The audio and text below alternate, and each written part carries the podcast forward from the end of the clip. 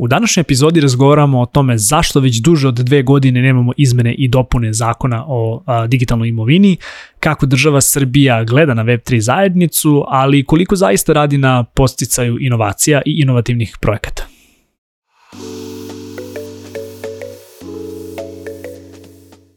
Poštovani slušalci i gledalci, dobrodošli u još jednu epizodu netokracijenog Office Talks podcasta. Moje ime je Marko Mudrinić, a moj današnji gost je Aleksandar Begović, direktor za oblast e, financija, poreza i pravnih pitanja u kompaniji Centar. Aleksandar, dobro mi došao. Bolje te našao, Marko. Evo, pripremali smo par meseci ovu epizodu, a, a povod je zapravo bio a, tekst koji smo pisali, ako se ne varam, početkom godine, jel da?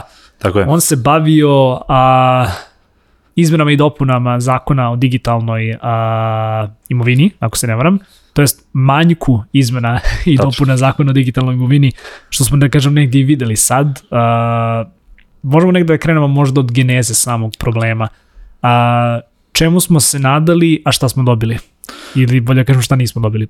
da, jasno. Pa kao što i sam znaš, početkom ove godine, možda čak i krajem prošle godine, smo zapravo diskutovali o tome kako je prošlo skoro dve godine od donošenja zakona o digitalnoj imovini i kako jednostavno se ništa nije desilo od momenta donošenja samog zakona, odnosno industrija je krenula da se razvija, industrija je krenula da primenjuje zakon, kako sam zakon, tako je došlo i do primjene i samih poreskih propisa koji se takođe usaglasili sa samim zakonom, ali je stvar u tome bila prošle neke dve godine, jednostavno videli smo kako se zakon primenjuje u praksi, videli smo koje stvari su dobre, koje stvari su manje dobre i koje zapravo zahtevaju ili neko pojašnjenje ili neku izmenu, a sa druge strane sama digitalna imovina i ta cela sfera blockchaina je nešto što je prilično a, dinamično, nešto što se razvija onako jako, jako brzo i onda posle dve godine jednostavno za, sam zakon postaje zastareo, on je donet u doba kada su ICO-ovi bili jako, jako popularni i gde je bilo jako mnogo ICO-ova, a onda dolazimo dve godine kasnije gde se DeFi razvija, gde se razvijaju neki, neki potpuno drugi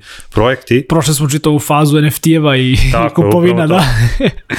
I jednostavno industrija ide u nekom drugom smeru, a regulativa jednostavno to ne prati i sa druge strane bilo je jako, jako dosta nedomica koje je bilo potrebno rešiti, ali nažalost manjkalo je i mišljenja ministarstva na tu temu, maš, na manjkalo, manjkalo je mišljenja drugih regulatora koji bi to pojasnili i generalno smo došli do toga da kao ok, trebaju nam neke izmene, trebaju nam neke dopune da bi mogli ovo dalje da razrađujemo i da bi sam zakon mogu da se primenjuje i da bi mogli projekti dalje da se, da se razvijaju. Da. E sad, uh, malo ćemo da kažemo ovaj na početku ovog razgovora svakako reći koji su to neki pravni i uh, finansijski, da ne kažem poreski ovaj, problemi, neke pravne i finansijske nedoumice, ako tako mogu da se, da se izrazim. Uh, svakako ću za slušalce i za gledalce linkovati taj naš poduži tekst, uh, podužu analizu koju smo radili sa Dušanom uh, Rončevićem, yes, kojeg ovog puta yes. ovaj, pozdravljam, uh, da prosto ljudi koji su negde možda na početku ovog razgovora da mogu da sednu, pauziraju i pročitaju taj tekst, jer zaista smo, mislim, do detalja ušli i objasnili što pisano, što da kažem grafički neke, neke probleme, ali evo sada da možda negde sumiramo zapravo na, na, na početku razgovora koji su to neki pravni i porezki problemi koji je zakon, da kažem, koji su zapravo proistekli iz zakona ili te, da kažem, iz pokušaja regulisanja ove oblasti. Da, pa gledaj, kad si pomenuo genezu, zapravo geneza jeste bila ta da kad smo došli na ideju, hajde da popišemo sve ono što su problemi, da objavimo to javno i da vidimo šta će da se desi. Kao što sam napomenuo, sama priprema kao i za ovu priču sada, tako i tada za tekst je trajala onako poprilično dugo. Jer nije to da smo Dušan i ja seli kao ajde da vidimo s čim smo se ti, ti ja suočili, da to stavimo na papir, nego mi smo zaista došli i seli sa zajednicom, mi smo da. okupili Pričali zajednicu. Pričali smo preko 20 ljudi, da. Jeste, jeste. Znači, ceo cilj je bio da mi zapravo sednemo i da popričamo s ljudima da vidimo šta u praksi zapravo predstavlja problem, jer ni Dušan, ni ja, ni mi nismo neko ko je prošao kroz sve probleme. Mi ne radimo 20 kompanija pa da možemo znamo koje probleme imaju tih 20 kompanija, ali ono što možemo jeste da sednemo sa tim ljudima da popričamo, jer Web3 zajednica je onako jako bliska i svi se međusobno znamo, a, ima dosta ljudi, ali opet nekako svi delimo taj iskustvo baš zato što je nešto novo i svima to znači I onda smo zapravo seli, popričali sa svim ljudima i to je trajalo. Trajalo je par meseci, bilo je tu dosta kafa i svega ostalog, ali na kraju smo sve popisali, to kao što znaš bio jedan ekstezivan Excel i nismo čak ni stavili sve u članak jer jednostavno članak je ovako prilično dugačak. Da, imali smo, kao... imali smo neke ovaj, ono, baš edge cases koje nismo jest, mogli da ubacimo, ali vidljivo, vidljiv je da kažem veliki broj pravnih i jest. poreskih problema, jel da? Može da se nasluti samog, samih problema koje smo, koje smo stavili u tekst I onda kao, uh, bilo je tu stvarno dosta stvari, ali da ne dajemo ni slušaoce, jer kao pročitat će tekst, verujem, pa će se podsjetiti svega, ali tu su neki par stvari na koje bi stavio akcent. Mislim, prva stvar koja je onako dosta, dosta čudna, jeste da smo mi doneli zakon u kojem stoji da ukoliko želiš da svoj pro projekat, uslugu, plasiraš ka fizičkim licima mm -hmm. i to mhm. kako se zove u prodaj na malo, a prodaj na malo je generalno sve ono što ide ka fizičkim licima pa ti zapravo izaš fiskalni račun jer si prodao nešto fizičkom licu. A u sferi digitalne imovine i blockchaina, ukoliko nešto od svoj proizvod ili uslugu želiš da prodaš fizičkom licu, ti ne možeš da naplatiš tu uslugu u kriptovaluti ili nekoj digitalnoj imovini. Znači to je zabranjeno, nego zapravo ti to moraš da radiš preko posrednika koji će, koji treba bude licenciran i koji će zapravo da zaprimi tu digitalnu imovinu za tebe, da je razmeni i tebi da dinare. E konvertuju u fiat, yes, da. Konvertuju u fiat i onda ti sa tim dinarima zapravo možeš da radiš posle šta hoćeš. Ali kao da se vratimo u korak nazad, ako ja razvijam proizvod u sferi digitalne imovine, ako ja pružam usluge u sferi digitalne imovine, moji korisnici su ljudi koji zapravo aktivno učestvuju u sferi digitalne imovine, u sferi blockchaina, potpuno normalno da oni hoće da plate tom digitalnom imovinom, je li tako? Kad govorimo plat, da plate, to, sama kripto, same kriptovalute i digitalna imovina nisu zakonsko sredstvo plaćanja u Republici Srbiji, a, nisu ni zakonsko sredstvo plaćanja u mnogim državama sveta, ali sa druge strane ono što možeš da uradiš je da izvržiš razmenu usluge za kriptovalute.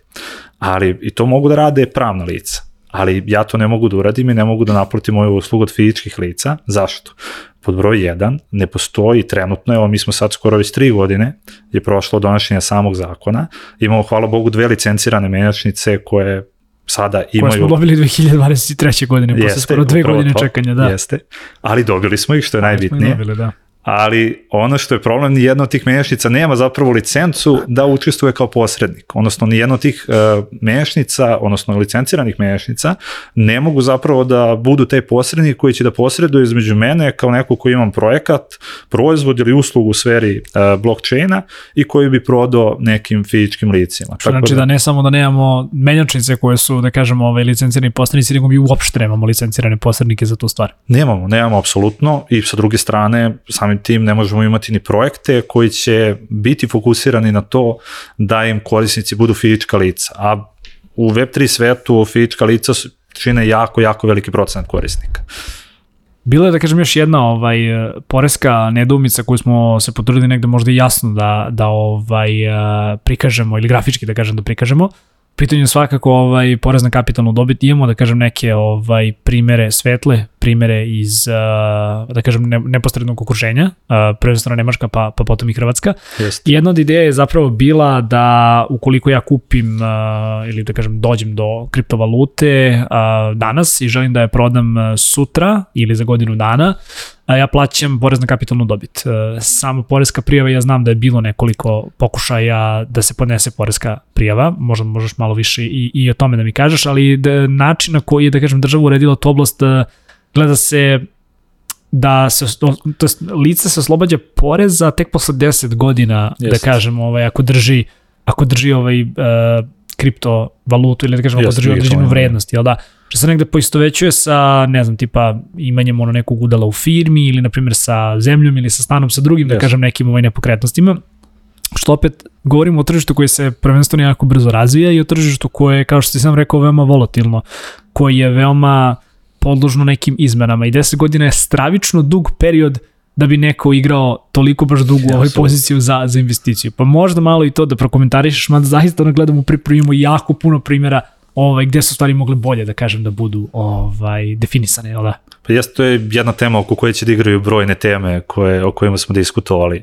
Ali da, dobro si rekao, e, kriptovalute su nešto što je prilično volatilno i dalje, a i onda taj rok od 10 godina držanja kriptovalute da bi bio oslobođeno plaćanja poreza je jako dug i zapravo jeste, susedna Hrvatska je svrstala kriptovalute u korpu dobara koje se oslobađuju posle dve godine, a sa druge strane Nemačka je tu radila, e, isto samo je oslobodila državce kriptovaluta od kapitalne dobiti posle godinu dana i imaju određeni threshold u smislu određeni uh, prag do kog se prodaja kriptovalute ne, ne oporezuje. 600 evra, ako se tako, 600 ili 1000, tako nešto, da.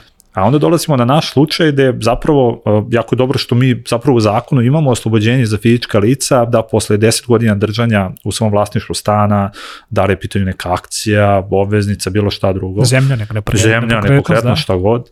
Uh, u toj situaciji ne plaćaš kapitalnu dobit, što je odlično, jer kao to jesu neka kapitalna dobra koje držiš 10 godina ili duže. Mislim, realno gledano, kupovina stana, ne odlučuješ da kupiš stan pa da ga flipuješ posle godinu, dve, neki ljudi to rade, ali to je jako, to, radili jako... su, radili su proteklih 10 da, godine, da. da. yes. Dobro, bilo je tržište sada za to, ali onako generalno govorimo kupiš to da bi investirao, da bi izdavao i slično. To je dugoročna pozicija, yes. što se kaže u industriji, da. A sa kriptovalutama to nije stvar. Mislim, imamo, prema što dođemo i do kapitalne dobiti kao takve, gde je ono situacija, ja kupim kriptovalutu pa prodam, ono što se dešava pre toga jeste da ja mogu, e, mogu dođem u situaciju da dosta razmenjujem te kriptovalute jednu za drugu. A i ta razmena je predmet poreza na kapitalnu dobit. Zašto? Ako ću ja da razmenim, ne znam, DAI za IT ili obranu, to ja u toj situaciji zapravo a, zamenjujem jednu imovinu za drugu i u toj transakciji ja zapravo stvarujem neku dobit ili gubitak. I sad zamisli ljudi koji svakodnevno, a znam ih dosta, koji svakodnevno jednostavno rade i prelaze iz jednog kriptovalute u drugu, više iz tog razloga što žele da ostvare neki profit ili žele da se zaštite ili jednostavno žele da zauzmu neku određenu poziciju i slično. Ti u toj situaciji zapravo treba da bukvalno beležiš sve te transakcije i da onda na taj isteka, dan kolika je vrednost bila, da. Jeste, da, da taj dan, znači kolika je vrednost bila kad sam nabavio tu kriptovalutu, pa za koju vrednost sam je zamenio, pa onda opet koja je to bila nabavna vrednost, pa za koju vrednost sam je zamenio i to može biti bezbroj iteracija I sad imamo tu mogućnost da se poreska prijava podnosi uslovno rečeno na kvartalnom nivou, to je po isteku kvartala, pa 30 dana po isteku kvartala, ali stvar u tome da to se i dalje podnosi u papiru. Znači, ti ne možeš sad da uzmeš elektronski, da uzmeš i da podneseš prijavu za kapitalnu dobit, iako za sve druge uh, oblike imovine možeš. Evo, tri godine je prošlo, ali i dalje ne možeš da podneseš tu prijavu u elektronskoj formi. Jedno uzmeš prijavu u papiru gde, mislim, imaš tri polja da upišeš uh, tri prodaje i tri dobitka ili gubitka koje mogu da se prebiju inače, ali kao šta da radiš za ostalo, pogotovo jer toga u kvartalu može da bude na stotine, hiljade, zavisi od toga kako trguješ. I onda to može bude problem i za poresku upravu, a ne samo za tebe. A treba podvučiš srtu i kažeš, ok, ostvario sam ovaj iznos kapitalnog dobitka, ovo mi je gubitak i zapravo ova razlika je porez koji treba da platim ili zapravo gubitak koji mogu da prenesem u budućnosti. A ima još tu sličnih situacija, mislim, zamisli sad ja ulažem poslednjih par godina i sad kupujem neku određenu kriptovalutu i dođem do toga da hoću da prodam njen deo Ja se postavlja pitanje koji deo ja prodajem. Da li ja prodam ono što sam prvo kupio ili prodam ono što sam poslednje kupio? Da li ja mogu da biram ono što sam uh, kupio i kažem ok, ovo mi ima približnu vrednost, uh, nabavnu vrednost prodajnu pa ću kažem ok, ovo ono što sam kupio, ono što sam prodao zapravo nisam ostvario nikakvu dobit. To je isto stvar koja nije regulisana i to ostavlja neki prostor, odnosno slobodu da sam, uh, sam lice koje je korisnik digitalne imovine može da odluči na koji način će da zapravo podnese poresku prijavu i da, i da predstavi svoju nabavnu i prodajnu vrednost ali mislim ovo je to je u redu, ali sa druge strane možda bi trebalo to definisati neko preciznije, zato što i to unosi određene, kako rekao, i birokratiju i dodatnu evidenciju i sve ostalo. Isto ima jedna jako specifična stvar, a to je da je zakonom digitalnoj imovini zabranjeno da, na primjer, unosiš digitalnu imovinu u kapital pravnog lica u Srbiji. I to, kako bih rekao, meni iskreno da budem nije jasno zašto, jer kao ja ako unesem kriptovalutu imovinu firme, to je isto kao da sam uneo neku zgradu ili neku zemljište ili sam uneo novac ili bilo šta Mislim, drugo. S jedne strane podložno je poreskom ovaj, dobitku i oporezivanju, zašto da ne date da tom istom imovinom baratam, ali ono, svojstvo pravnog lica. Jeste upravo to, jer kao nekome bi bilo lakše da to uradi, jer samo da unese kriptovalutu ili neku digitalnu imovinu u kapital i onda će pravno lice zapravo da manipuliše sa tom digitalnom imovinom kako ono želi. Sad, ajmo da pričamo realno. Uh, ono može da iskoristi tu digitalnu imovinu da plati neke usluge, je li tako? Jer uglavnom kad unosiš kapital, ti unosiš da bi finansirao poslovanje te firme i ta digitalna imovina će jako brzo da se potroši. A ako sa druge strane je dobavljač koji neće da primi digitalnu imovinu, ja ću onda morati svako da je zamenim za fiat ili ti za dinare. Preko menjačnice. Preko menjačnice, da. tako je, ko licencirana, da platim naknadu, da u svojim finansijskim izveštajima predstavim da li sam imao neki dobit ili ne, pardon, i onda ću doći do toga da zapravo i dalje ja imam dinare na računu u dobrim delom situacija, a ako ne, onda ću te kriptoimovinu, odnosno kriptovalute da potrošim na nešto drugo.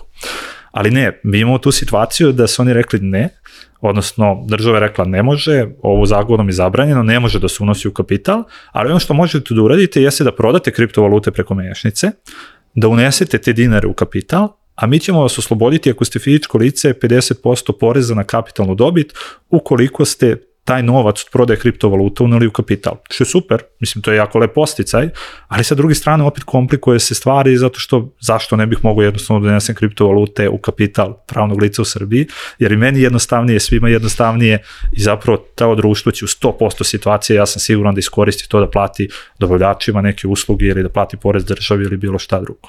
Da vesele, veseli primjeri, ovaj, ostao bih samo na još, na još jednom slučaju ovaj, koji, si, koji si pomenuo, nadam se da možemo da pričamo o njemu, situacija sa bankama, banke i kripto, to nekako i dalje ne ide ruku pod ruku. Da. Ovaj, pričali smo o, o zaista velikom broju primjera, neki možda i nisu za javnost, pošto su i dalje, da kažem, onako ongoing slučajevi, ali imali smo da kažemo opet jedan uh, zanimljiv uh, slučaj iz regiona, pa ako možda možeš da, da podeliš sa nama šta je bilo u pitanju. Pa da, mislim, to je, uh, što se samih banaka tiče, to je onako jako specifično. Mislim, i kad pogledaš i, i kod nas, u našoj državi, malo, malo, pa ako budeš kupio uh, kriptovalutu preko neke strane menjačnice, dobit ćeš poruku ili email od banke koji će reći, nije u politici banke da dozvoljava trgovinu kriptovalutama, odnosno njihovu kupovinu, i kao molimo vas da to ne radite. Ali dolazimo do te situacije kao imamo dve licencirane menjačnice, imamo zakon o digitalnoj imovini, znači imamo sve preduslove da zapravo ljudi mogu slobodno da kupuju kriptovalute i da ulažu u njih. A, kriptovalute kao takve jesu neki oblik investicije kao tako su se i, i ustalile na samom tržištu, jer budimo realni, u Srbiji ne postoji razvijeno tržište kapitala, ja sada hoću da kupim neku akciju na našoj berzi, tu generalno iskreno ne znam zašto bih se pre odlučio. Beogradska berza, da. Dakle, ali ok, imamo pristup, znači preko brokera možemo da imamo pristup i nekim stranim berzama, što nije tako toliko zastupljeno kod nas, sad malo se budi tržište, ljudi se edukuju oko toga, ali nije toliko zastupljeno da imaš uh, digitalnu imovinu koja je onako neko specifična, svima dostupna i ljudi jednostavno žele da ulože u tako nešto, veruju u projekte koje stoje iza toga, jer digitalna imovina nije nešto što bi ljudi rekli to je vrednost uh, koja se bazira na očekivanjima ljudi, ništa ne postoji iza toga ili bilo šta drugo, tu postoje jako, jako vredni projekti, ljudi koji stoje iza tih projekata, proizvodi koji stoje iza tih projekata i na tim mrežama, tako da ljudi jednostavno veruju to i veruju taj Web 3, kao što je nekad Web 2 došao pa niko nije verovao u Web 2 i svi su bili jako skeptični, tako da se imamo situaciju da dolazi Web 3 koji zapravo želi da Kaže ja sam tu, želimo da promenimo sve, želimo da ga učinimo efikasnijim, manje birokratski za, uh, zahtevnim, želimo da zaštiti, zaštitimo podatke uh, korisnika, želimo da se taj GDPR koji postoji zapravo i primenji na pravi način, da jednostavno zaštiti anonimnost ljudi, ali jednostavno postoji ta neka bojazan jer sa druge strane sasvim sigurno državi je jako teško da pusti neki oblik kontrole da bude na samim, da kažem, fizičkim licima ili korisnicima i onda tu dolazimo u neki vid konflikta, a na kraju krajeva tu su i banke koji imaju neki, neko svoje diskreciono pravo da zapravo kažu ok, ne, u ovoj situaciji ovo nije naša politika, a sam si pomenuo, imali smo primer, uh, ta, to je tada bilo, ako se ne varam, u Bosni, gde uh, jedna banka blokirala jednu kompaniju uh, koja posluje u sferi digitalne imovine. Da, blokirala im je račun, da. Jeste, blokirala im je račun i onda je došla, kako bi rekao, regulator vlade i rekla ne možete to da radite kao je legitimna firma koja posluje i ne možete to da uradite jer jednostavno nemate razloga da to radite. Tako da imaju te neke pozitivne slučajeve gde zapravo se država umeša i kaže ok, zaista ne možete da idete u tu toliko krajnost, ali mislim da ova oblast će zahtevati još mnogo edukacije, još mnogo uh, prelagođavanja i još mnogo, uh, mislim ja znam ne mnogo, ali kao određeni period jednostavno ljudi shvate da je Web3 tu u svom svom obliku i da kriptovalute kao takve predstavljaju samo jedan segment Web3-a i jednostavno oni moraju da, da nauče to. Ja iskreno kad god imam priliku i kad pričam s ljudima iz bankarskog sektora, ja kažem ok, ajte da vam objasnim šta zapravo predstavlja kripto imovina i odakle ona dolazi i da zapravo uh, da znaju šta dolazi iza, odnosno šta se krije iza svega toga.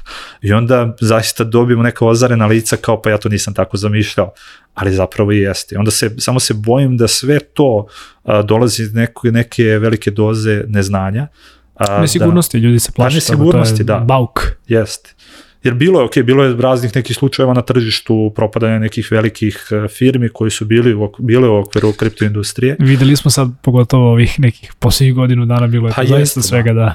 Bilo je bilo je jako turbulentno, da li je to sa Celsiusom, da li sa FTX-om, ali generalno to je i dobro bilo za samu, samu industriju, zato što ti neki... Tržište se čisti, da. Da, tržište se čisti, nekako ti igrači koji su uh, manipulisali sredstvima korisnika na prilično neadekvatan način, što je bilo vidno, jednostavno nestaju sa tržište i onda tržište se čisti i ostaju oni igrači koji su legitimni i tržište kreće dalje da se razvija u tom smeru koji je zapravo suprotan od smera uh, uh, kažem, ti firmi koje su i kažnjene i ugašene i slično. Tako da to je dobro i to se ne dešava samo u ovoj industriji, to se dešavalo i u svakoj industriji. Jednostavno kada dođe do toga da padne tržište, onda se jednostavno vidi ko je imao legitiman biznis, ko je jednostavno manipulisao sredstvima na adekvatan način i te kompanije opstaju i dan danas su tu. Da. A, jedan od, da kažem, povoda zašto smo radili ovaj veliki tekst, ovu veliku analizu, jeste i bila kako bismo možda na jedan način animirali ljude koji treba da donesu ovaj, ili zapravo da usvoje ovaj, izmene i dopune, kojih nažalost nije bilo. Evo, kraje 2023. godine, ukoliko nas neko sluša u budućnosti, nažalost u ovom poslednjem ciklusu videli smo da, da opet nismo ovaj, dobili nikakve uh, izmene i dopune. I malo mi se čini da nekako kao potrudili smo se da među prvima regulišemo, barem u ovom delu sveta, ovaj, jednu oblast koja je zaista nova, zaista inovativna, a, samom regulacijom a, bismo postakli razvoj nekih domaćih projekata ovde i mogli bismo da kažem da izađemo ovaj kao da izbijemo kao lideri ovaj u, u web3 oblasti. A znam da tokom svih ovih godina koliko se negde analizira naša IT industrija Web3 zaista a, nekako uvek izbija na na prvo mesto te neke podkategorije unutar informacijonih tehnologija a, čak je bila priča kao da je Srbija u ovom delu Evrope možda i, i, i najbrojnija po broju, da kažemo ovako, ono, blockchain a, developera, a, ali opet, kažem, vraćam se na, na, na pitanje, probala je država i negde uredila među prvima jednu oblast koja je zaista brza i zaista se, da kažem, jako ovaj, brzo razvija i kao stali smo, kao da ne postoji više ovaj, ono, nekog podstreka da se ta oblast uredi, kao da nas je neko možda i natera da uradimo nešto čime se kasnije ne bavimo. Da li možda imaš neke informacije zašto je to tako? Prepostavljam da nemaš, ali da i možda znaš kada Da. bismo možda i mogli da očekujemo neke izmene, jer kažem opet se neke stvari koje smo navili i sada, a i u onoj velikoj analizi, sve su to stvari koje negde ono zaista jesu veliki problemi, ono realni problemi za kompanije i timove koji bi radili na tim inovacijama ovde u Srbiji. Da, pa jeste, to je, to je bila suština teksta, kao ajde da predstavimo ono sve što su problemi i, i u nadi da će oni do koji dođe tekst, a i ti ja znamo da je tekst došao do, u ruke oni koji zapravo treba ga pročitaju. Javili su nam se, da. Jeste, javili su nam se. A, to, je, to jeste bio cilj, kao ajde molim vas da nas čujete, jer kao nemamo aktivnu komunikaciju tog tipa, nema, postoji neki direktan kanal sa kojim, putem kojeg bi komunicirali sa vladom. Ko i- su zapravo i glavni stakeholderi? Tu imamo Narodnu banku Srbije, a, Komisiju za hartije od vrednosti, ako se Tako ne je. varam, da. I Ministarstvo financija, mislim, ako ćemo da. da. navodimo glavne stakeholdere, to su te tri institucije, ali generalno ne postoji neki direktan kanal da kažemo, ok, ajde da sarađujemo uh, sa privredom, odnosno iz njihove perspektive kao ajde da sarađujemo sa privredom i da vidimo šta tu mi još možemo da napredimo da bi to, da bi to bilo bolje. Jer pitao si, ok, koji je, uh, koji je razlog zašto se država ne bavi ovim, mislim, ja bi to zaista volao da znam, kao nisam dobio informaciju iz prve ruke, pa mogu sada da kažem, e, rekli su mi da je to iz ovog ili onog razloga, uh, ja mogu samo da prepostavim, jer kao neko će reći, uh, jednostavno fiskalni prihodi iz tog dela poddela IT industrije, nazovi, nisu mnogo veliki, pa ne postoji veliki fiskalni postice da se bave time. S druge strane, pome, pomenuli smo kolaps nekih velikih igrača u okviru, u sferi digitalne imovine, pa su se možda i uplašili i jednostavno ne žele da zalaze dublje u to dok ne vide kako će stvari da se iskristališu. A, mada se, kao bih rekao, stvari se onako prilično lepo kristališu već i kao već se vidi u kom smeru sama industrija ide. I industrija je tu i samo nastavlja da, da postoji i da se razvija. A sa druge strane možda se jednostavno čeka da se vidi uh, u kom smeru će dalje Evropska unija ići. Oni su doneli MIKU, uh, regulativu koja je onako najsveobuhvatnija trenutno na svetu, verujem. I generalno, da kažemo, tu su nas malo i prešišali, Uh -huh. ali zašto ne, mislim mi tu imamo dobre, dobre primere na koje možemo da se ugledamo, ali nekako da, nije se, nije se ništa desilo što se, što se toga tiče i jednostavno i dalje čekamo da uh, se jednostavno neko izjasni povodom toga zašto se zakon ne menja i da li će se menjati i kada. Ono što smo diskutovali ti ja što sam ti prenao bio je jedan događaj preno par meseci u okviru privredne komore gde je u okviru privredne komore zajedno sa još neki par ljudi koji su ovako dominantno bave sferom digitalne imovine, kolega Bogdan Vujović me pozve kao hoćeš da dođeš imamo jedan događaj ovde, rekao vrlo rado i bilo je lepo zato što su tu bili predstavnici privredne komore, bili su predstavnici Narodne banke Srbije i Komisije za hartije vrednosti. Jedino je falilo ministarstvo financija kao, ajde kažemo, taj treći bitan akter koji bi tu upotpunio celu sliku. I događaj je bio jako lep, mislim, oni su predstavili sam zakon, predstavili su iz njihovog ugla kako to izgleda, kako oni sagledavaju stvari, bili su otvoreni da, da odgovore na pitanja, ali onda mislim da smo se svi jako razočarali kada smo zapravo uh, na kraju čuli da se zakon o digitalnoj imovini neće menjati. I onda zapravo smo mi i znali pre par meseci da da sada u decembru, odnosno decembru koji dolazi, kada se inače i sve izmene zakona usvajaju i kada se donose, da zapravo ne možemo ni da očekujemo mnogo, ali to je ostalo bez nekog objašnjenja zašto se neće menjati, jer kao trenutno imamo dve licencirane menjačnice, što je jako, jako lepo, i imamo jednu kompaniju koja je izdala digitalni token. I tri godine nakon donošenja zakona, rekao bi da je to lep, ali nimalo dovoljan rezultat, jer kao ako je cilj bio da se pravna lica u Srbiji finansiraju putem digitalnih tokena, ako je cilj bio da se relaksira privreda, da jednostavno postoji novi izvor likvidnosti i da to bude jedan Da se novi... postoji neki plan kako bi sve Tako te je. ideje i projekti mogli dalje da rastu, a ne samo da to sve nego stoji u magli. Ovaj, da. Pa jeste, da, to je jako lep način, na primjer, za crowdfunding koji je dostupan tebi i meni i to možemo da uradimo na jako lak način. I to je jako lepo i za privredu, i za startupe, i za, aj kažemo, sve aktere u privredi koji uh, kao izvor likvidnosti vide banke, eventualno neke faktoring kuće, a ovo zapravo može biti jedan jako lep izvor likvidnosti gde zapravo i ti i ja kao pojedinci možemo da podržimo neki projekat tako da što ćemo, ne znam, kupiti par tokena od te neke kompanije i jednostavno pratiti kako se to razvija, a sa druge strane imati neki zagarantovani priliv, što je odlično i sa jedne i sa druge strane. Da.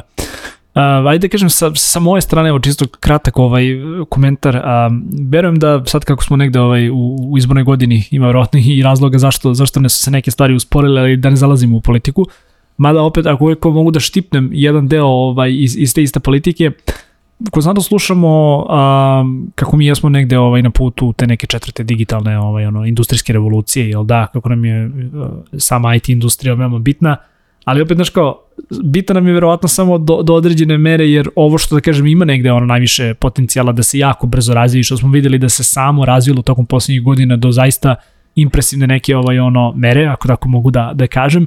Nekako malo ubijamo ovaj krila domaćim projektima i sečemo im krila i ne, da, ne dajemo im ta neki vetar u leđe koji bi im bio potreban da neke zaista krupne inovacije a, i razviju ovde i primene ovde i da kažem da po, u potpunosti negde promene ovaj ako mogu da kažem taj ovaj barem finansijski landscape uh, Srbije. Da, pa apsolutno se slažem sa tobom, jer neko, ja bih se vratio i na taj predlog zakona o digitalnoj imovini, nekako uh, ne znam koliko su ljudi upoznati kao to je više onako pravna, pravna stvar, ali kada se dolazi donosi neki novi zakon, a, i generalno kad se donosi izmene zakona, situacija je takva da se radi nek analiza efekata izmena zakona ili samog zakona koji se donosi. I onda zapravo u toj analizi samo ministarstvo ili bilo koji drugi organ koji učestvuje u donošenju zakona, on analizira pozitivne i negativne efekte tog zakona. I onda kada je ovaj zakon uh, donet, odnosno kada je donet predlog zakona, uh, ja nisam bio len pa sam uzeo i pročitao ceo taj predlog zakona, to je jako onako ekstenzivno, ali sa druge strane zna da bude zanimljivo, jer možeš da vidiš... Čudan hobi, ali okej. Okay. da. Uh, zavisi za koga. Da. Ali ajde, ja neću da budem dosadna da koristim pravne termine, ali ću truditi onako da sažmem. I onda dođeš do jednog dela i kao zašto se zakon donosi. I tu je bilo jako dobrih argumenta. Ja sad ja ću citiram predstavnike države koji su ovo napisali, jer meni posebno zanimljivo, kao ja se slažem sa svim što su napisali, a to je, uh, citiram, uh, Srbija želi da bude fintech zemlja i želimo da se pozicioniramo kao jedna. Onda sa druge strane želimo da budemo uh, fintech lider u jugoistočnoj Evropi. Ja isto se slažem, ja mislim da možemo i da želimo da budemo fintech lider u jugoistočnoj Evropi i da imamo jako mnogo potencijala za to. Onda je cilj bio da se preduzeća, da preduzeća imaju lak izvor nove likvidnosti putem digitalnih tokena, što jeste isto takođe jako tačna stvar i videli smo na primjeru jedne kompanije da to i tekako moguće, onda imamo situaciju da želi da se podstaknu strane investicije u zemlji, što se apsolutno slažem, jer da je malo bio fleksibilni zakon, verovatno bismo i privukli neke strane projekte koji bi došli ovde. A zašto bi došli ovde? Zato što imaš zemlju koja je regulisala digitalnu imovinu i sferu digitalne imovine, možeš da dođeš tamo i da dobiješ licencu da radiš ili ti eventualno ne, ne treba licenca ako se to ne zahteva i onda zapravo posluješ u okviru regulatornog okvira i niko ne može da kaže da posluješ u sferi koja nije regulisana. A pa smo negde kao na rubu EU, ono koketiramo ovaj, to negde između njih i zapravo imamo priliku da budemo malo nezavisniji i relaksiraniji od, od Jeste, jeste upravo to, jer kao mi jesmo na rubu EU, mislim već dugo, i trudimo se da pristupimo EU, trudimo se da usaglasimo naše zakone sa zakonima Evropske unije, neke malo više, neke malo manje. Ja, na primjer, zakon o deviznom poslovanju čeka na izmene već decenijama. Ali da, definitivno mi smo imali tu neki prostor da budemo malo uh, relaksirani, kako bi privukli te neke strane projekte koji bi mogli da se razvijaju ovde, a onda se vraća na početak priče uh, da zapravo ne dopuštamo da se naplaćuju naknade za proizvod ili uslugu od fizičkih lica, bez da to radi, da se radi preko posrednika koga nemamo. Evo tri da. godine posle mi tog posrednika nemamo. Malo smo kontradiktorni. Pa malo smo kontradiktorni, da, malo smo kontradiktorni i nekako trebalo bi malo sesti i vidjeti, ok, prošlo je tri godine, ajde da izvršimo ponovo analizu zakona, ajde da vidimo, ok, šta smo mi popisali, šta smo želeli da postignemo. A, da li je došlo od toga da su došli novi projekti ili su ti projekti nikada nisu pojavili. A onda bih otišao korak dalje i rekao koji su projekti eventualno razvijeni ovde u zemlji, a koji su morali da jednostavno odu napolje jer Srbija nije dala dovoljan regulatorni okvir da se oni razvijaju ovde. Jer kao postoje e, brojne, brojne kompanije koje jednostavno, ukoliko ovde u Srbiji ne mogu da funkcionišu, a i ti ja dobro znamo, na primjer, Stripe, koji da kažemo svi koriste za naplatu svojih usluga, ne može da funkcioniše u Srbiji, to je jedna jako velika tačka spoticanja, ali da ne idemo daleko previše, jer ovde pričamo o Web3. Da. I Samo bih napomenuo, pošto se vraćam na taj deo kako su oni opisali, jer sve su ovo prednosti, sve su ovo razloci zašto je donet e, zakon. Zakon je donet da bi se razvijala IT industrija do, dodatno. E, zakon je donet da bi se, e, kažemo, IT industrija imala dodatan utice na BDP ove zemlje i tako dalje i tako dalje. A imaš jedan deo koji kaže koji su negativne posledice ako ovaj zakon ne bude donet. I kaže, prva rečenica je, a, ove, ako se zakon ne donese, to će imati obimne, obimnu štetu, veliki obim štete na IT industriju u Srbiji, čim se ja slažem. A onda imamo situaciju, kaže, desit će se, do tog, desit će se to da će doći do nekih odliva mozgova u jurisdikcije koje su više prijateljski nastrojene kao u industriji. Apsolutno se slažem Slažemo, sa tim. Da. I onda kao neka posljednja stvar, kao nastavit će ova industrija da bude u nekoj sivoj zoni, što je opet takođe tačno i zato je jako lepo što smo dobili zakon. Ali nažalost u sivoj zoni i sa zakonom, ali da, bože moj. Ali da, ali kao ima, ima prostora još tu da se unapredi. Mi zaista imamo prostora da unapredimo to, imamo prostora da jednostavno a, taj zakon uskladimo sa onim što industrija zahteva. Ja ne očekujem da se dođe kaže, ok, da ćemo sve što želite, ali kao ajde sad nas razumite, razumite da je ovo nova industrija, razumite da ova industrija zapravo želi da se razvija u tom i tom sferu i hajde onda da stvorimo okvire da to može da funkcioniše na taj da. način. Kakav je odnos države sa domaćom Web3 zajednicom? Za domaću Web3 zajednicu znamo da je veoma aktivna, imamo tu neke jako ustaljene a, kompanije koje su, da kažem, lideri u svojoj oblasti globalno, koje dosta uložu u samu zajednicu, Ali kakav je odnos države i Web3 zajednice, ako možeš malo više o tome da mi kažeš, ako imaš neko uopšte ovaj, saznanje? Da, pa kao što sam pomenuo, Web3 zajednica je jako aktivna. Mislim, ono što sam rekao, ja stojim iza toga, mi se onako svi držimo zajedno i generalno razmenjujemo iskustva i znanje i uh, generalno praksu sa kojom se suočavamo da bi svima bilo lakše, jer to je jako lepo, znaš, kao jedna jako lepa zajednica, kao neka šira porodica koja tu podržava jedni drugi, jer svi imaju cilj da se to razvija dalje.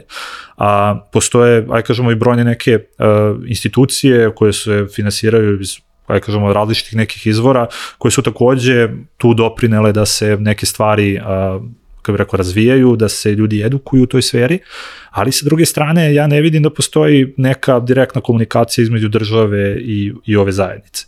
Pomenuo sam taj događaj u Privrednoj komori, to je možda bio i jedini događaj na kom sam ja bio, gde su bili predstavnici Narodne banke Srbije, Komisije za hartije od vrednosti. Neću da kažem ima dosta događaja koji se dešavaju, dosta edukacija, uh, postoji nešto što se zove kriptokaravan koji ide sada po Vojvodini, ja mislim da su krenuli po Južnoj Srbiji, da jednostavno edukuju ljude, što je jako lepo i mislim da država čak stoji iza toga. Šunki i blockchain. Da, da, upravo to. Ali sa druge strane, uh, lepo, je, lepo je vidjeti. To, jer kao, ok, idu ljudi koji su uh, eksperti, u to, eksperti u toj oblasti, idu i edukuju ljude, a sa druge strane nemamo neki direktan kontakt da ja mogu, kao što tebi sad kažem, e, Marko, imamo problem i popisali smo probleme, hajde da vidimo kako to možemo da rešimo, toga nije bilo do sada i nadam se da će se to promeniti, jer zaista uh, bilo bi lepo da postoji sluh Jer kao mi su se zaista potrudili, kao što i sam znaš, ovo, ovome, smo, ovome smo pristupili kao da je neki naučni rad.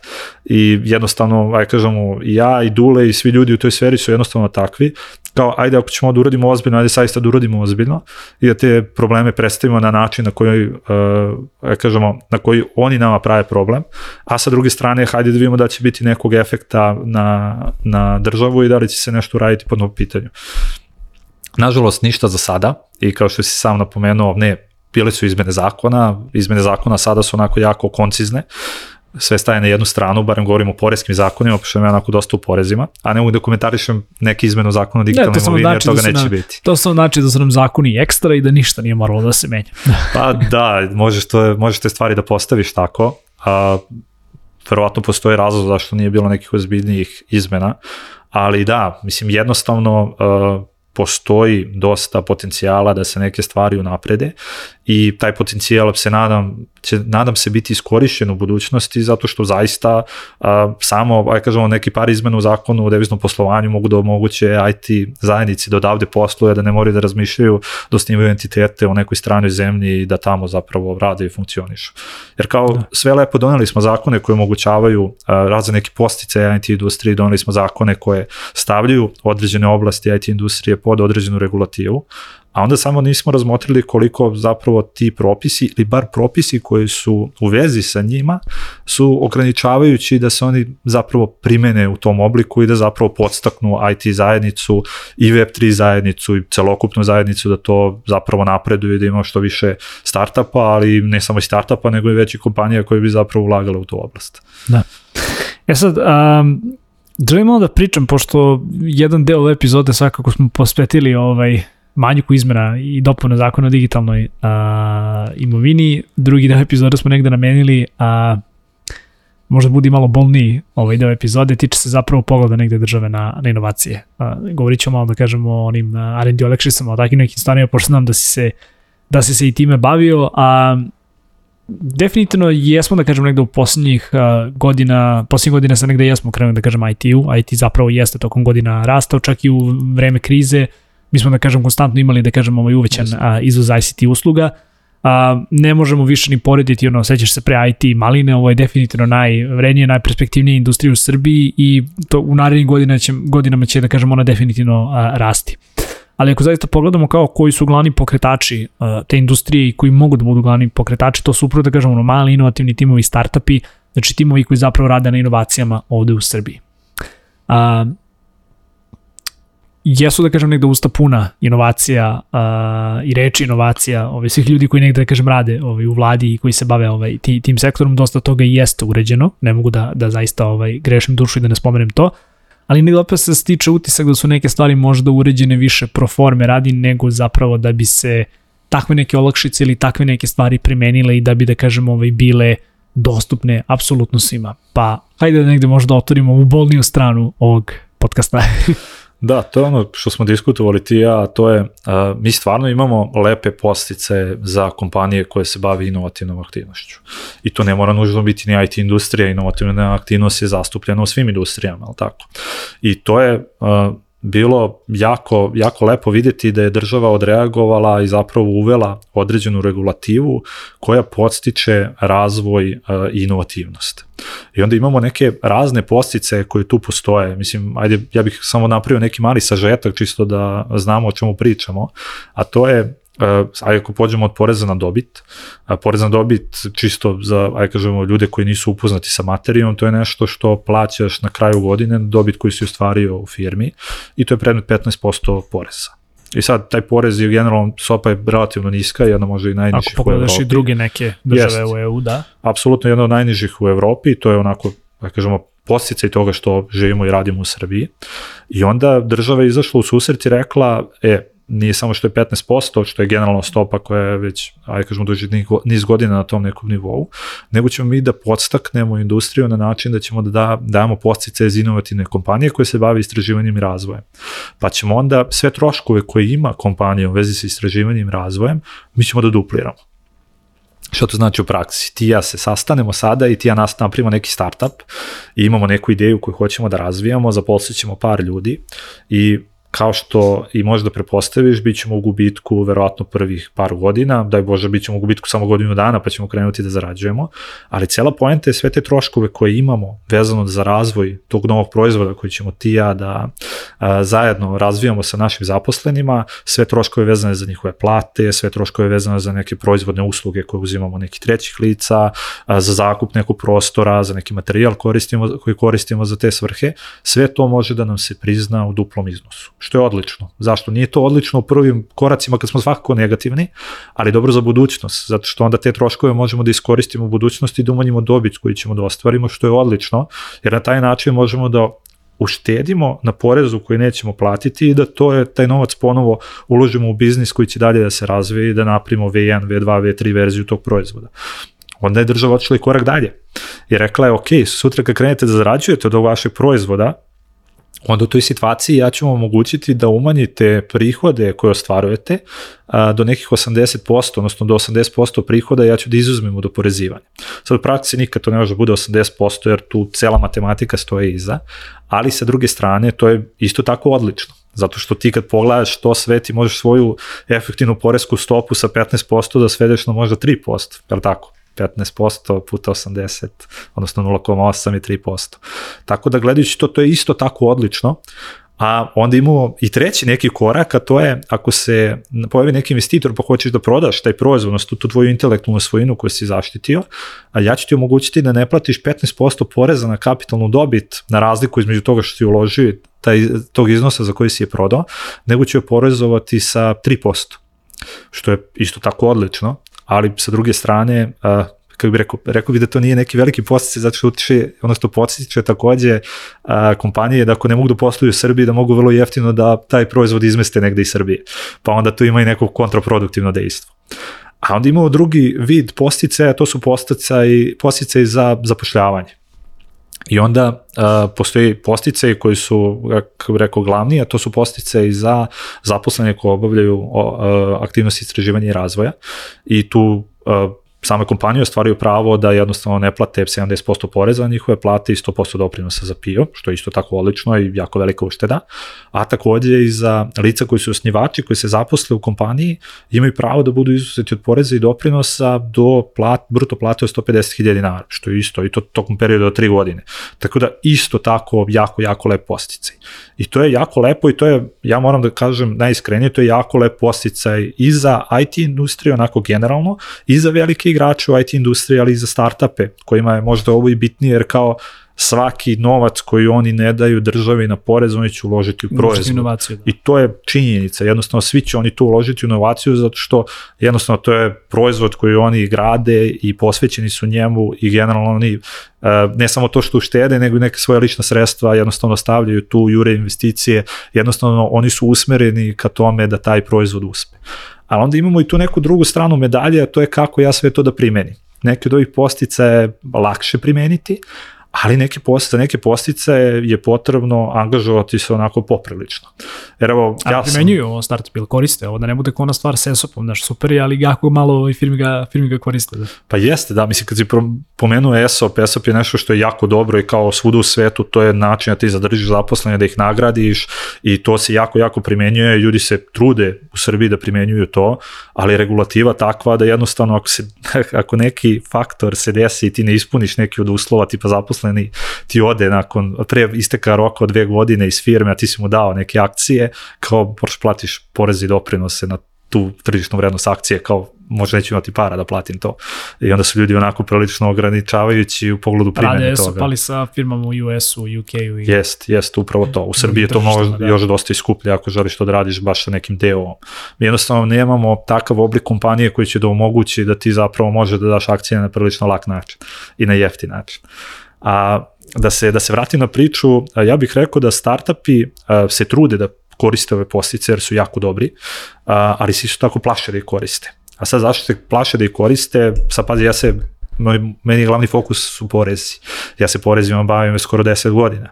I ja generalno kad dođem i kad tumačim zakon, ja ću pročitam zakon, protumačim ga, onda ću uzmem pravilnik, pa ću njega da istumačim, ali generalno sada, ako smo ti ja osnivači startupa i ti ja treba da radimo na proizvodu, da li ćemo ti ja zaista da uzmemo, da sedimo, čitamo zakon, gledamo pravilnik i onda kad dođemo do toga, ok, da smo istumačili da imamo pravo na posticaje, da li ćemo onda ti ja da ulazimo u tu celu biro- birokratiju da svi naši zaposleni moraju da vode timesheet i ja moramo da vodimo timesheet, moramo da imamo određene budžete godišnje, moramo da radimo reviziju budžeta, moramo da imamo plan nabavke, a, šta je još tu od zahteva, a, moramo da imamo razne neke obrazce koje moramo da popunimo da bi to predali poreskoj upravi, da bi ostvarili pravo na posticaj.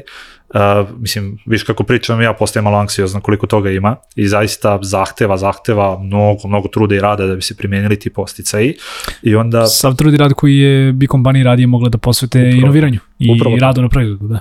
Upravo to, jer nekako ja bih da imam kompaniju koja se bavi nekim inovativnim proizvodom, želeo 100% mog vremena da posvetim tome, znam da u praksi to nije moguće, ali sa druge strane, ako želim da primenim ove postice, ja znam da ću morati mnogo da se bavim administracijom i birokratijom i to ne na način na koji sam ja zamislio, nego na način na koji je propisan. Ja ću pokušati to da prevalim na mog računovođu vrlo rado, ali je pitanje koliko računovođa zapravo i žele da se bave time, Koliko znaju da se bave time, koliko da. znaju da se bave time, ima ljudi koji znaju, ima ljudi koji ne žele, ima ljudi koji potencijalno i ne znaju to da primene, jer škakljivo je to, potrebno je samo da jednu stvar a, pogrešiš u pogledu ispunjavanja uslova ili da je pro, protumačiš neadekvatno i ti si izgubio pravo na postice. Šta to u praksi znači? Ako dođe poreska kontrola, a poreske kontrole su bile prilično aktivne ove godine vezano za same postice, ukoliko poreska kontrola dođe i kaže ok, ali ti ne ispunjavaš uslove za ove postice, zapravo loše si ih primenio, ti ćeš doći u situaciju da moraš da vratiš državi sve te poreze i doprinose sa kamatom, koja nije ni malo niska trenutno, imaću u vidu referentnu kamatnu stopu, a onda će potencijalno dobiti kaznu, a onda svako vreme tvoje koje ode na borbu, uslovno rečeno, odnosno na komunikaciju sa poreskom upravom, jer ti tu moraš da budeš, jer jednostavno ti bolje znaš svoj biznis i to čime se baviš nego tvoj računovođa, što je potpuno normalno. I onda kada sve to staviš u jednu korpu, to je jako, jako mnogo tereta na dva osnivača startupa koje možemo biti ti i ja. I Da. kao kad bismo se ti i ja, ako bismo se bavili svim tim aktivnostima, kada bismo se zapravo posvetili proizvodu i Dobro, jednostavno... U tvom i mom slučaju ti bi se posvetio, ali dobro, bože moj, da. dobro, bože moj, da.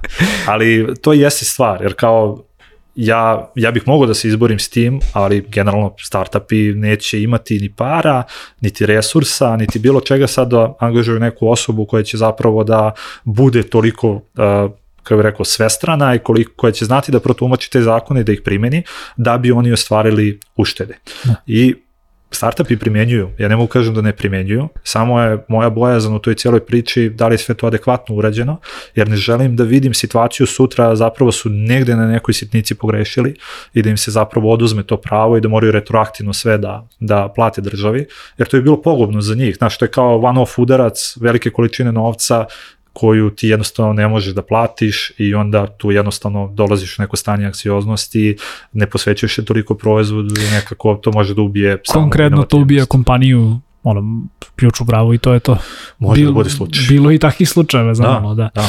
A, u, opet u nekom našem razgovoru jednu stvar si jako lepo pomenuo opet kada smo radili pripremu za, za ovaj podcast, a, a to je taj neki sandbox režim. A, malo možda da nam i kažeš više koji bi bio tvoj neki predlog, u nadje nas možda neki predstavnik države sluša, pa da kažem možda dođemo jednog dana i do, i do takvog nekog rešenja koje bi zapravo omogućilo startupima da u tom nekom prvom periodu se ne bave administracijom, nego da imaju, da kažem, neki period da mogu da rade bez tih nekih briga, ali malo da nam pojasniš kako bi, da kažem, kako bi ta stvar izgledala u praksi. Da, pa hvala što si to pomenuo. Pa sam sandbox režim je nešto što postoji svuda u svetu. I sandbox režim zapravo predstavlja neki okvir gde je država zapravo kao napravi neki bubble i kaže startup može da uđe u taj bubble i da se bavi razvojem inovativnih rešenja bez da se na njega primenjuju, primenjuju regulativa koja je trenutno važeća, ali u tom bablu je takođe i država, jer i predstavnici države koji jednostavno posmatraju šta se dešava, koji odmah iz prve ruke mogu da vide kako se ta, u kom smeru ta inovacija ide, šta sve mora eventualno da se primeni na tu inovaciju od regulative, šta bi zahtevalo neke izmene regulative i onda je to super zato što imaš startup i državu koja radi zajedno. I jednostavno u tom nekom regulatornom okviru ako se e, stvori nešto novo, neki novi proizvod, regulator neće zahtevati od tebe da ti dođeš pa da mi pričamo, kao što ti ja pričamo sada o Web3, nego će regulator već znati šta si ti razvio, u kojoj sferi si to razvio, šta je potrebno da bi plasirao proizvod, da li možeš da ga razviješ u okviru postojećeg regulatornog okvira, da li je potrebno nešto novo da se donese što bi regulisalo tu oblast, što bi opet tebi dalo pravnu sigurnost da ti možeš da posluješ sa tim proizvodom, a sa druge strane da država i zaštiti korisnike tvog proizvoda. Znači tu treba da se napravi jedan celokupan spektar regulative koja može da omogući i zaštitu i da omogući da taj proizvod može ili usluga da funkcionišu. I to postoji u brojnim zemljama sveta. Znači, tako prođemo od US-a, UK, Australije, Singapura, brojne, brojne zemlje. Mi takav neki režim, nažalost, nemamo, ali evo ti, ja sam baš googlao u cilju pripreme za ovaj podcast i kao koliko zapravo može bude teško da se ovo donese. I onda je World Bank izbacila neki vodič za uh, kreiranje sandbox režima u zemljama gde zapravo na neki 50-60 strana oni objašnjavaju kako se to radi I kao što vidiš, kao to znanje je nekako javno dostupno, nekako ako nije znanje javno dostupno u vidu papira, mi imamo kontakt sa tim ostalim zemljama da možemo kažemo, ok, ajde se jednom zemljom koja je u okruženju, koja je eventualno to primenila, da. kao kako ste vi to radili, ajde pomozite nam, a, ali ja čak ne bi se zadržao ni na tome, nego bih otišao i korak dalje, jer baš to što se rekao, birokratija, administracija i slično, ti i ja da razbijemo sada neki startup, mi ne bismo imali vremena da se bavimo time. Evo ja sad iz ove perspektive, ja sam dve godine u startup svetu i jednostavno osetiš kako to izgleda u praksi i osetiš koliko zapravo tebi odlazi vremena na sve to, a i sam znaš da ne možeš sad uzmeš da angažuješ nekoga i da platiš neku ogromnu količinu novca, jer kao pitanje da li ti se isplati, da li imaš u tom momentu toliko novca i slično. Te ja, kao što sam rekao, ne bih se zadržao na tome, nego mi možemo napravimo neki naš sandbox režim za startup i da kažemo, ok, Bićete oslobođeni poreza i doprinosa na plate koji isplaćujete vama, jer kao ljudi se posvećuju tom inovativnom proizvodu, moraju nešto i da jedu, ali tako? I moraju da imaju neka sredstva kojima će da finansiraju svoj život. Ali kao, evo, mi ćemo te posmatramo, znamo šta radiš, nećemo ti tražiti da napriš dokument koji će da opiše zašto je tvoj proizvod inovativan, nego ćeš biti u tom bablu da ćemo i da vidimo da, da se... Da te posmatramo, da. Jeste, vidimo to što radiš, to je zapravo nešto inovativno. Uh, vidit ćemo koliko resursa raspoložiš, na kraju krajeva pomoći ćemo ti sa resursima ima to menja percepciju stvari, onda zapravo ja i ti odnosno ti i ja, možemo 100% se posvetimo toj inovaciji i da znamo da je to neko ko nas gleda, ko može da nas usmera i kaže, momci, nemojte idete toliko daleko, to nikad nećemo moći da vam dopustimo da radite. Ili po principu, ok, super je to, spremni smo da donesemo regulativu koja će to da, da jednostavno sve izdefiniše, da to može da funkcioniše i sa druge strane nema potrebe da brinete o nekoj birokratiji, nećete biti u obavezi da radite uh, to na taj način da sam morate da vodite neku birokratiju ili bilo šta drugo, nego primenit ćete postice kao i svi ostali, ali sa druge strane ta neka papirologija i birokratija će nama biti pred očima, pa samim tim nećete vi morati da se bavite time, nego će sve biti onako evidentno, javno. Po automatizmu malo, da. jeste, da. manje više po automatizmu. E sad pazi, to su neki, neka moja razmišljanja i neke stvari koje kao, ok, šta bih ja uradio da ja mogu da se pitam i kako bih ja redefinisao neke stvari. Jer opet se vraćam na tu temu. Ja sam dve godine u ovom svetu, što nije neki predug period, ali sam stvarno imao uh, jako, kako rekao, bio sam u jako lepoj situaciji da mogu da poznam jako mnogo osnivača startupa, to su vredni, ambiciozni, pametni ljudi od kojih možeš jako, jako mnogo da naučiš.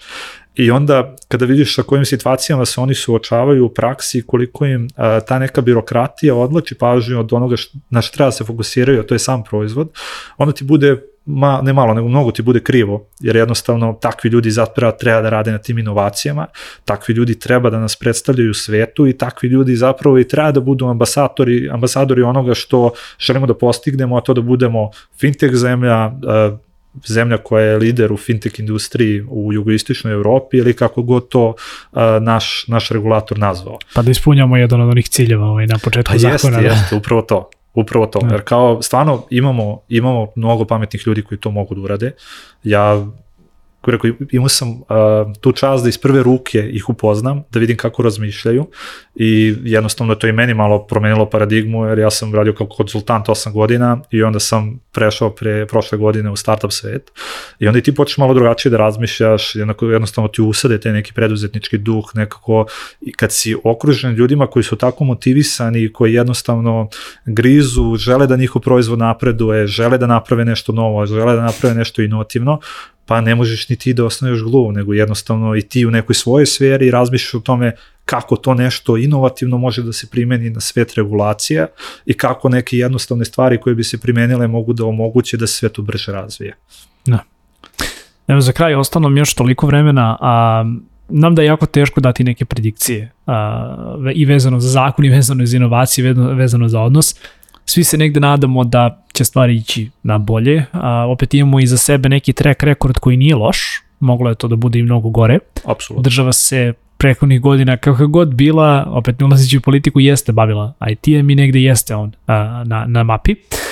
A, kako ti vidiš da bi se, ne govorim možda nužno o narednoj godini, ali govorim o nekom narednom periodu, kako ti vidiš da bi ove neke stvari mogle dalje da se razvijaju, jer opet Trenutno smo i na prekretnici gde IT koji je godinama bio obavijen tim nekim velom mistične uspešnosti gde su se ljudi, gde su se ono, kompanije su prezapošljavale, kompletno tržište isključivo raslo. Došli smo i do situacije da je ovo jedna od najbrže rastućih industrija, možda i najperspektivnijih koja se trenutno suočava sa velikom krizom. Što znači da će verovatno biti potrebna određena pomoć države ili da kažem određeno posmatranje od strane države kako da se ova grana dodatno ne ubije, jer smo videli da je i, velike IT firme su imali probleme i sa cash flowom, sa isplatama, bilo je tu i otkaza, bilo je tu da kažem jako teških i neprijatnih trenutaka. Kako ti vidiš da bi ove neke stvari mogle da se dešavaju i razvijaju u narednom periodu, u narednim godinama? Da. Znaš kako, ono što sam ja naučio jeste da a, dok je bio bull market, sve je bilo lepo, kao što i sam znaš, i bull market je ono, iza ćoška bio 2021. godine i go, malo par godina ranije, a u bear marketu je koji je trenutno, aj kažemo, aktualan. Da, je nešto, rastući market i opadajući jest, market. i opadajući market, jeste. Ali bear market je e, period e, tokom kojeg se zapravo stvaraju novi proizvodi, unapređuju postojeći i generalno to je period kada inovacije rastu i cvetaju. I onda, sam si pomenuo, e, da, vidi se da postoji kriza u smislu da postoje otpuštanja, postoje neke situacije koje nagoveštavaju da jednostavno i ova industrija nije imuna i da jednostavno i nju pogađa neka, kažemo, svetska kriza koja je izražena u većoj ili manjoj meri, da li to inflacija, kroz inflaciju ili kroz nešto treće. A, I, kao bih rekao, država ne može da pomogne u tom svetlu da kompanijama pomogne u okviru toga kako će organizuju svoje poslovanje i kako će da upravljaju svojim poslovanjem. A država može da pomogne ko što već jeste, a to je kroz neke ove razne postice koje postoje. Tako da, kako ja to vidim, ja vidim upravo vraća se na ovu priču oko sandbox režima i vidim da kažem, budućnost IT-a i neki postice koje država može da da na taj način što će zapravo da stvori taj neki bubble ili neki veći bubble koji će omogućiti zapravo ljudima koji žele da inoviraju, da inoviraju i da mogu biti 100% posvećeni toj inovaciji. I to je nešto što bih ja zapravo želeo da vidim jer uh, imamo zaista mnogo ljudi koji su u tom svetu, koji žele to i zapravo i očekujem da će država u tom svetu, u tom svetlu da napravi iskorak i da zapravo omogući njima da mogu da se razvijaju u okviru tog nekog babla i onda kada ih puste u, uslovno rečeno istog babla u svet, da oni znaju na čemu su i da jednostavno ne budu nesnađeni i da ne znaju da postoji ova regulativa i ova regulativa i ona regulativa i da jednostavno im glava bude puna svih tih informacija i da ne mogu da se posvete onome čemu zaista treba da se posvete. Tako da ja ne mislim da država može da pomogne uh, vezano za samu IT industriju u pogledu toga kako su stanje kompanije kako poslovanje svoje, kako svoje poslovanje vode. Ali sa druge strane vidim da mogu da podstaknu kompanije da zapravo u ovom periodu kada potencijalno nema dovoljno posla, zato nema dovoljno, aj kažem, zato se i dešavaju otkazi, jer kao nema dovoljno prihode, ali tako, to je cela matematika, ako prihode ne mogu da pokriju rashode, onda nešto nije u redu. I onda se, aj kažemo, idu, ide neke drastične korake, ono, katovanja troškova, da li će to biti zaposleni ili će biti neki drugi troškovi. Ali sa druge strane, ono što država može jeste da postakne tu neku inovaciju koja je zapravo sa između ostalog i tim nekim viškom resursa može zapravo da se gurne u tu stranu i da zapravo ok, te višak resursa može da radi na inovacijama i da zapravo kompanija leverage na tome da za, kroz godinu dve kada se proizvod Da razvije, zaposleni, upravo da. to. I to je neki vid investiranja i to je nešto što, kako bih rekao, postoji, postoji kod nas, evo mi isto radimo na tome da jednostavno jedan deo zaposlenih se bavi inovacijama i da jednostavno u ovom bear marketu probamo da napravimo nešto novo što će nam u budućnosti zapravo kreirati neki novi proizvod i neki novi izvor prihoda. neku novu vrednost. Da, upravo to, upravo to. Tako da to je, to je neko moje viđenje, nije to neka preterana matematika ili logika, samo jednostavno po principu ok, stvorite nam okvire da možemo da razvijamo, da možemo da inoviramo i da zaista ne moramo da se bavimo nekom određenom birokratijom, a mislim da će to državi višestruko da se vrati u budućnosti, jer će ti ljudi ostati ovde, plasirati svoje proizvode i zapravo IT industrija kao takva će da učestvuje sa mnogo većim procentom u BDP-u nego što je to sada da. slučaj. Dakle, nije vizija, već možda jedan, rekao bih, realni pogled na, na situaciju. Da, da. Da. Aleksandre, hvala ti puno što si bio moj današnji gost. tebi. Svakako ćemo nastaviti ove, ove neke diskusije i izvan uh, kamere, ali eto, nadam se da, da ovo nije prvi i poslednji put ovaj, kada, kada si mi se pridružio ovde u podcastu. A vama slušalci i gledalci, hvala još što ste ostali sa nama do kraja. Naravno, kao je Coffee Stocks podcast možete pratiti na YouTube-u, možete ga pratiti i na audio platformama, linkovi su dole u opisu. Takođe, potrudit ćemo se da a, tekst a, sa prvog dela podcasta ostavimo u opisu ispod videa kao i u opisu audio fajla kako biste mogli da pročitate a, i da vidite zapravo koje su neke stvari na koje smo referirali iz današnjeg razgovora. Toliko od meni od Aleksandra u današnjoj epizodi, mi se vidimo naredne nedelje. Pozdrav svima, ćao!